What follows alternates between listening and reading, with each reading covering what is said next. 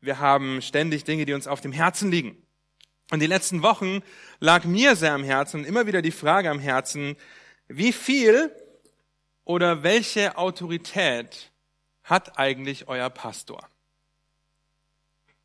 Was hat er zu sagen? Was hat er zu melden? Nun, ich stehe hier vorne als einer von drei euren Ältesten, euren Hirten, euren Pastoren. Ich liebe euch von Herzen und ich wünsche mir sehr, dass ihr einfach geistlich wachst, dass ihr mit eurem ganzen Leben Gott die Ehre gebt, dass jeder von euch weiterkommt in seinem Leben,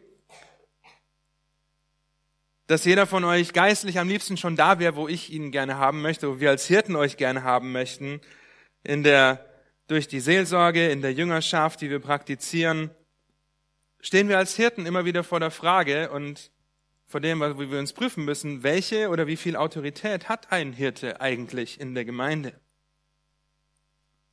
Und wir leben leider in einer Zeit, in der Gemeinden durch Pastoren geleitet werden, deren Hand schwer auf den Geschwistern der Gemeinde liegt, weil sie ihre Autorität missbrauchen, weil sie ihre Macht missbrauchen, die sie haben. Ob in kleinen oder großen Gemeinden, das ist völlig egal. Ja, Älteste, die ihre Macht zum Beispiel durch das genaue Vorschreiben ausüben wollen, durch das, was sie vorschreiben, was die Geschwister zu tun und zu lassen haben, bis ins Detail. Ältesten, die ihre Gemeinden wie ein Unternehmen leiten, deren Geschäftsführer sie sind, Älteste, die ihre von Gott gegebene Autorität und Verantwortung überschreiten. Und deswegen immer wieder die Frage, was ist die Autorität, die ein Hirte habt? Und deshalb diese Frage, deshalb auch diese Frage an euch und diese ganz kurze Betrachtung, weil uns das als Hirten auf dem Herzen liegt und weil wir euch dabei helfen möchten zu verstehen, okay, welche Autorität hat ein Hirte eigentlich? Und wenn ihr die Kurzantwort haben wollt, die äh, John MacArthur mal in einem Interview gebracht hat, dann lautet sie keine ich könnte mich jetzt wieder hinsetzen, aber dann würdet ihr hier sitzen und sagen, okay, warum sollte ich dann eigentlich auf euch Hirten hören? Ähm, warum seid ihr dann Hirten, wenn ihr keine Autorität habt? Nur wie komme ich darauf? Oder wie kommt ein Mann wie John MacArthur darauf, der äh, seit über 40 Jahren als Hirte einer Gemeinde dient?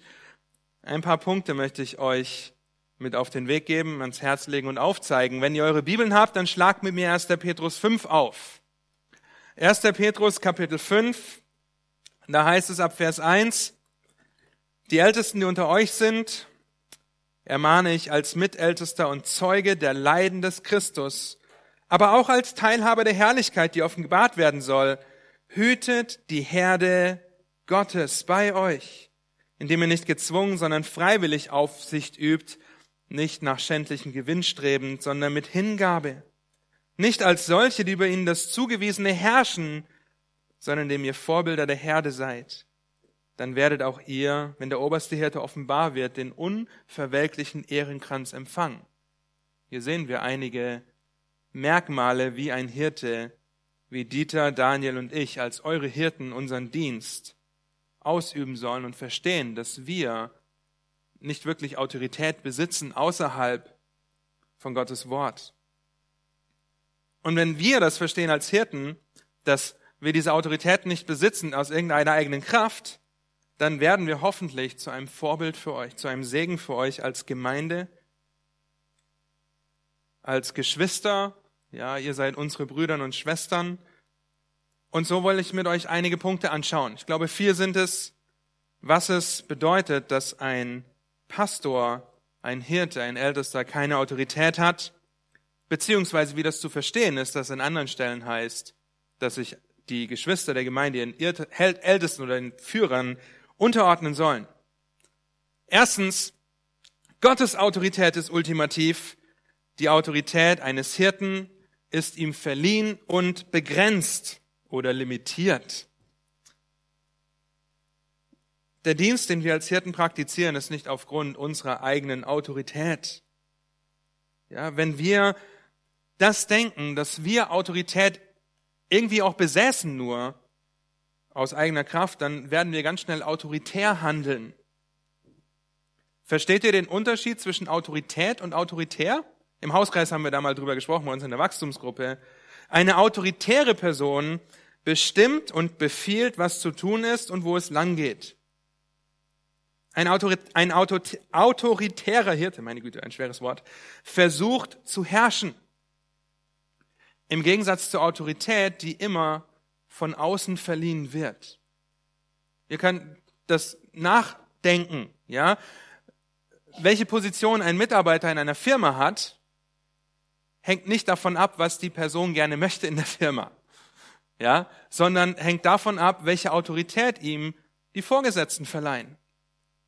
Welche Person in einer Demokratie reagiert, hängt nicht davon ab, wer gerne regieren möchte, sondern davon, welcher Person der Staat, das Land, die Autorität zuspricht, das Land zu leiten. Autorität wird immer von außen verliehen. Okay? Autoritäre Personen denken, sie haben Autorität aus sich heraus. Gott verleiht dem Hirten Autorität. Das heißt, der Hirte führt das aus, was Gott sagt. Wir als Hirten führen das aus, was Gott sagt. Und so sind wir nicht nur mit unserem Amt verliehen, vertraut gemacht worden von Gott, sondern er hat es auch noch limitiert. Er hat es eingeschränkt auf das, was in diesem lebenswichtigen Buch steht. Die Gemeinde gehört Christus, sie gehört weder Dieter, sie gehört weder Daniel, weder mir. Und ich hoffe, dass wir und dass ihr das wisst, sie gehört Christus und Christus allein. Und das sollte uns als Hirten schon genug daran erinnern, dass wir keine Autorität aus uns selbst haben oder in uns selbst haben. Als Hirten sind wir nicht mehr als Verwalter und Diener, die in einem kleinen Teil des Weinbergs, wenn ihr das so wollt, arbeiten und dafür Sorge tragen, dass die Arbeit vorangeht sie vorangeht, solange der Herr abwesend ist. Die Autorität eines Hirten ist ihm verliehen, während wir auf die Wiederkunft unseres Herrn warten. Sie ist limitiert durch die Schrift. Das heißt, wir haben keine Autorität außerhalb des Wortes Gottes. Dieter, Daniel und ich, wir haben einen Maßstab, an dem wir messen können, ob wir uns im gottgegebenen Rahmen befinden und diese Gemeinde Gott wohlgefällig leiten oder nicht. Ihr habt einen Maßstab, mit dem ihr das messen könnt, ob wir das tun oder nicht. Und hier wird es wunderbar, weil wenn das unser Maßstab ist, dann trifft das auf die Bereiche unseres Lebens zu, ob du ein Hirte bist oder nicht. Dass du Vater und Mutter sein darfst, ist limitiert und verliehen von Gott. Er vertraut dir diese Kinder an. Er sagt dir, wie du sie erziehen sollst. Dass du ein Arbeitnehmer bist, kommt von Gott, dass du Arbeit haben darfst. Er sagt dir, in welchem Rahmen das stattfinden soll. Und genauso die Hirten, wir als Hirten, haben Verantwortung, die messbar ist an einem Maßstab. Und wir können diese Verantwortung wahrnehmen oder missbrauchen. Die Bibel ist die Begrenzung unserer Autorität. Und als Hirten, und da dürft ihr für beten, wollen wir Gottes Wort mit Hingabe, mit Demut und mit Liebe lesen und verkündigen. Es liegt uns am Herzen. An als Hirten dieser Gemeinde wollen wir uns durch Gottes Wort einschränken, begrenzen lassen, weil das Wort Gottes keinen Raum für selbstsüchtige oder herrschende Herangehensweisen bereithält. Zweitens soll ein Hirte den Kinder Gottes mit dem Wort Gottes dienen und seine Vorleben und Meinungen zurückhalten. Betet für uns. Betet für uns, weil wir euch vorleben wollen, was es heißt, Christus zu folgen. Wir wollen beständig an die Aussendungsworte unseres Herrn denken, wie er gesagt hat, mir ist gegeben alle Macht oder alle Autorität im Himmel und auf Erden. Alles hört auf Christus und Dieter zeigt uns das so wunderbar im Markus Evangelium auf. Wir haben schon gesehen, Dämonen hören auf ihn, der Wind, das Wetter, Tod, Krankheiten, alles ist der Autorität des Herrn unterworfen. Als Hirten werden wir offensichtlich nie wie Christus sein in Perfektion. Aber wir wollen seiner Einstellung nacheifern. Bei all der Macht und Autorität, die Christus hatte, ist es so erstaunlich zu sehen, wie er sie mit aller Hingabe und Demut ausgeübt hat. Er hätte sofort vom Kreuz kommen können. Er hätte sofort den Mund der Pharisäer stopfen können auf eine übernatürliche Art und Weise. Wie viel mehr müssen wir danach streben, als Hirten, als eure Hirten, auch nur ansatzweise dem nachzueifern, was Christus getan hat, als er auf dieser Erde war. Wenn wir über das Anleiten nachdenken, dann sehen wir, wie Jesus seine Jünger unterweist, wenn es um das Anleiten geht. Matthäus 20, ab Vers 25 heißt es, aber Jesus rief sie zu sich und sprach, ihr wisst, dass die Fürsten der Heidenvölker sie unterdrücken und dass die Großen Gewalt über sie ausüben. Unter euch aber soll es nicht so sein, sondern wer unter euch groß werden will, der sei euer Diener. Und wer unter euch der Erste sein will, der sei euer Knecht, gleichwie der Sohn des Menschen nicht gekommen ist, um sich dienen zu lassen, sondern um zu dienen und sein Leben zu geben als Lösegeld für viele. Wir verkünden Gottes Wort. Wenn Gottes Wort etwas klar und deutlich sagt, als Sünde beschreibt oder als Aufforderung beschreibt, dann wollen wir das ansprechen. Wenn Gottes Wort es aber der Weisheit des Einzelnen überlässt, fangen wir nicht an, durch unsere Vorlieben und Meinungen etwas anderes zu behaupten. Und hier scheidet, unterscheidet sich autoritär von Autorität. Die Bibel schreibt dir zum Beispiel nicht vor, wo du wohnen sollst, wen du heiraten sollst. Nun, sie gibt einen Rahmen dafür, für die Hochzeit. Heirate jemanden, der Christus liebt, der ein Kind Gottes ist. Sie schreibt dir nicht vor, was du arbeiten sollst. Das heißt, wir als Hirten können dir nicht vorschreiben, wo du wohnen sollst. Wir können nicht vorschreiben, wie du genau herangehen sollst an eine Ehe mit einer gläubigen Person. Wir wollen nicht autoritär darüber bestimmen, was du tust und lässt. Die Bibel ist aber klar und deutlich darüber, dass wir zum Beispiel nicht lügen sollen, dass wir uns freuen sollen, dass wir uns keine Sorgen machen sollen. Hier können wir als Hirten mit der Autorität der Schrift, so wie ihr als Geschwister untereinander auch, einander ermahnen und liebevoll zurechtbringen, im Geist der Sanftmut, wenn es sein muss. Hier können wir uns zu Liebe und zu guten Werken anspornen, anreizen. Und wir alle haben diesen Maßstab. Wir können uns als Hirten überprüfen. Ihr könnt uns als Hirten überprüfen anhand dieses Maßstabs. Drittens. Hirten sind Sklaven, die ihr Leben für die Kinder Gottes hingeben, wie Christus. Wir sehen uns nicht als eure Schuhabtreter. Ja, darüber können wir schmunzeln, sondern eher um den Dienst eines Sklaven, der für einen Herrn arbeitet. Wir arbeiten für Christus. Er ist unser Vorbild. Er wurde als Mensch niedriger als ein Mensch und war gehorsam bis zum Tod am Kreuz. Und wir beten. Wir beten wirklich, dass wir als Sklaven Christi uns um die Herde kümmern, die Christus uns anvertraut hat, für eine kurze Zeit, für eine so kurze Zeit. Wir beten, dass wir um euch besorgt sind, dass wir für uns für euch aufreiben, dass wir wollen, dass ihr seht, was die Schrift sagt, dass wir uns hingeben für euch. Hirten sind Sklaven, die ihr Leben für die Kinder Gottes geben.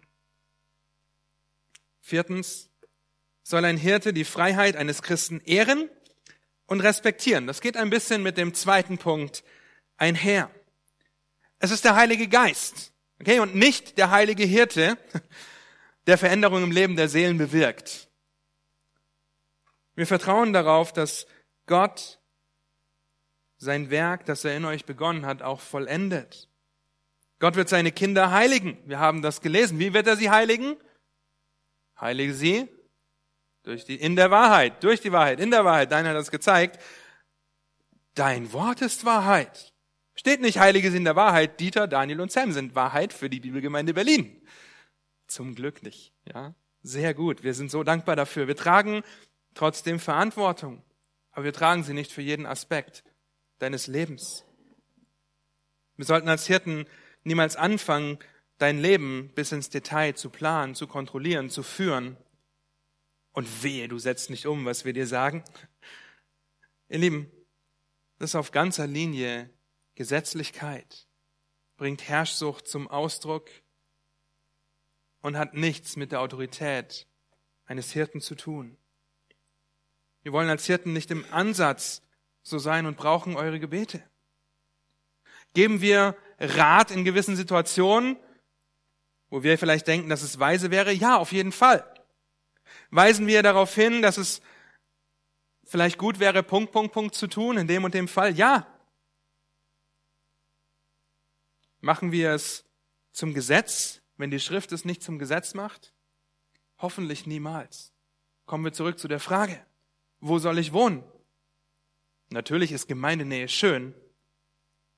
Die Bibel spricht aber nicht davon, du sollst in der Nähe der Gemeinde wohnen, aber die Bibel spricht davon, du sollst die Versammlung nicht versäumen. Das heißt, solange du die Versammlung der Heiligen nicht versäumst, wo ihr euch zu Liebe und zu guten Werken anspornen könnt, kannst du wohnen, wo du möchtest, solange du hier in den Gottesdienst, in die Veranstaltung der Gemeinde schaffst. Zum Beispiel, hast, wenn du die Wahl hast, ist es vielleicht weise, in der Nähe der Gemeinde zu suchen. Aber wir sind die Letzten, die das vorschreiben, weil Gott in euch arbeitet, in euch wirkt durch sein Wort. Er ist am Wirken. Wir als Hirten sind lediglich Werkzeuge in seiner Hand. Vielmehr noch, in erster Linie sind wir als Hirten Schafe der Herde Gottes. Überlegt, wir sind Gemeindeglieder, bevor wir Pastoren sind. Es gibt keine Hierarchie in dem Sinn, die ein Pastor über euch erhebt. Ein Hirte hat die Verantwortung, ja. Und ihr werdet aufgefordert, euren Hirten zu folgen, wenn sie ihren Dienst treu verrichten. Nicht wie in 1. Petrus 5 beschrieben oder diese Punkte in 1. Petrus 5, in 1. Timotheus 3 und so weiter einhalten. Dann sollt ihr ihnen folgen, auf jeden Fall. Aber ein Hirte ist ein Schaf, das dem Oberhirten folgt. Ein Hirte hat die von Gott gegebene und limitierte Autorität, die lokale Gemeinde darin anzuleiten, Gott zu ehren. Ihn groß zu machen und nicht euch klein zu machen. Wir sollen Vorbilder für euch sein. Wir sollen Vorbilder sein, die anhand der Schrift messbar sind. Wenn ein Hirte euch weise Ratschläge gibt, die nicht auf Befehlen der Schrift basieren oder sich um Weisheitsentscheidungen ha handeln, ja, dann müsst ihr nicht zwangsläufig euch dem unterordnen. Ihr müsst euch nicht unseren Meinungen, unseren Vorlieben, unseren Erwartungen oder unseren Erfahrungen unterordnen. Die Schrift erwartet das nirgendwo. Wenn wir das aus selbstsüchtiger oder herrschsüchtiger Art und Weise tun, selbst wenn wir es liebevoll meinen und sagen, hey, es wäre vielleicht weise, in der Nähe der Gemeinde zu wohnen, und du ziehst weiter weg, dann zeigen wir nicht die kalte Schulter, sondern ermutigen dich und spornen dich an, die Verantwortung, die du hast, die Versammlung nicht zu verlassen, auch wahrzunehmen, zu kommen, in die Gemeinde zu kommen, nachzufragen. Wenn es also so ist, dass die Bibel es als eine Weisheitsentscheidung aufzeigt, erwartet die Schrift selbst keine Unterordnung unter eure Hirten. Als Hirten wollen wir hier in der Bibelgemeinde für treu befunden werden. Für treu im Umgang mit dem Wort Gottes. Für treu im Umgang und im Vorstehen der Herde, die wir für eine kurze Zeit anstelle unseres Herrn verwalten verwalten in dem Wissen, dass wir eines Tages Rechenschaft darüber ablegen. Sind wir perfekt? Ihr dürft alle nicken. Nein, nein, okay, nein, wir sind nicht perfekt, bei weitem nicht, natürlich nicht. Werden wir unsere Meinung und Vorlieben preisgeben und vielleicht auch manchmal ein bisschen nicht verstehen, warum ihr jetzt so entschieden habt und das nicht nachvollziehen können?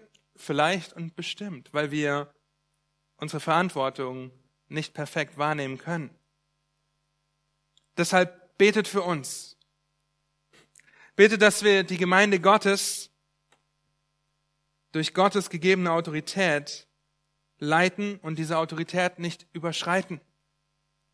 Dass wir sie nicht missbrauchen, nicht umkehren oder zum eigenen Vorteil einsetzen. Betet, dass wir als Hirten demütig auf Gottes Wort bauen und an Gott festhalten, dass unser Leben in Gottes Wort verwurzelt ist, dass wir mit Gottes Wort vertraut sind, wie Daniel gerade gesagt hat. Wenn du John Bunyan irgendwo gestochen hättest, Blutin wäre rausgekommen, äh, Biblin, Entschuldigung, nicht Blutin, Blut kommt immer raus. Aber Biblin wäre rausgekommen, okay?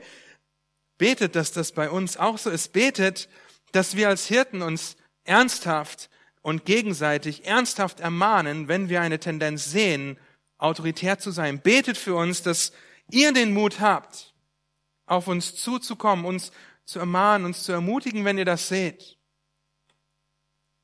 Betet, dass die Macht, die Autorität und die Verantwortung, die Gott euren Hirten gegeben hat, durch Liebe, durch Vorbild, durch Hingabe, Weisheit und Demut umgesetzt wird. Betet, dass diese Gemeinde ein Ort ist, an den ihr mit Freude auf eure Hirten zukommen könnt, an denen ihr mit Freude euren Hirten folgt, an dem ihr mit Freude Hilfe bekommt, weil ihr wisst, dass eure Hirten einzig und allein in Gottes Wort verankert sind.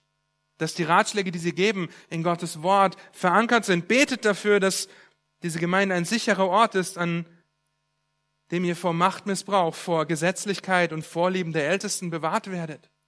Betet dafür. Als Hirten sind wir Boten, keine Bosse.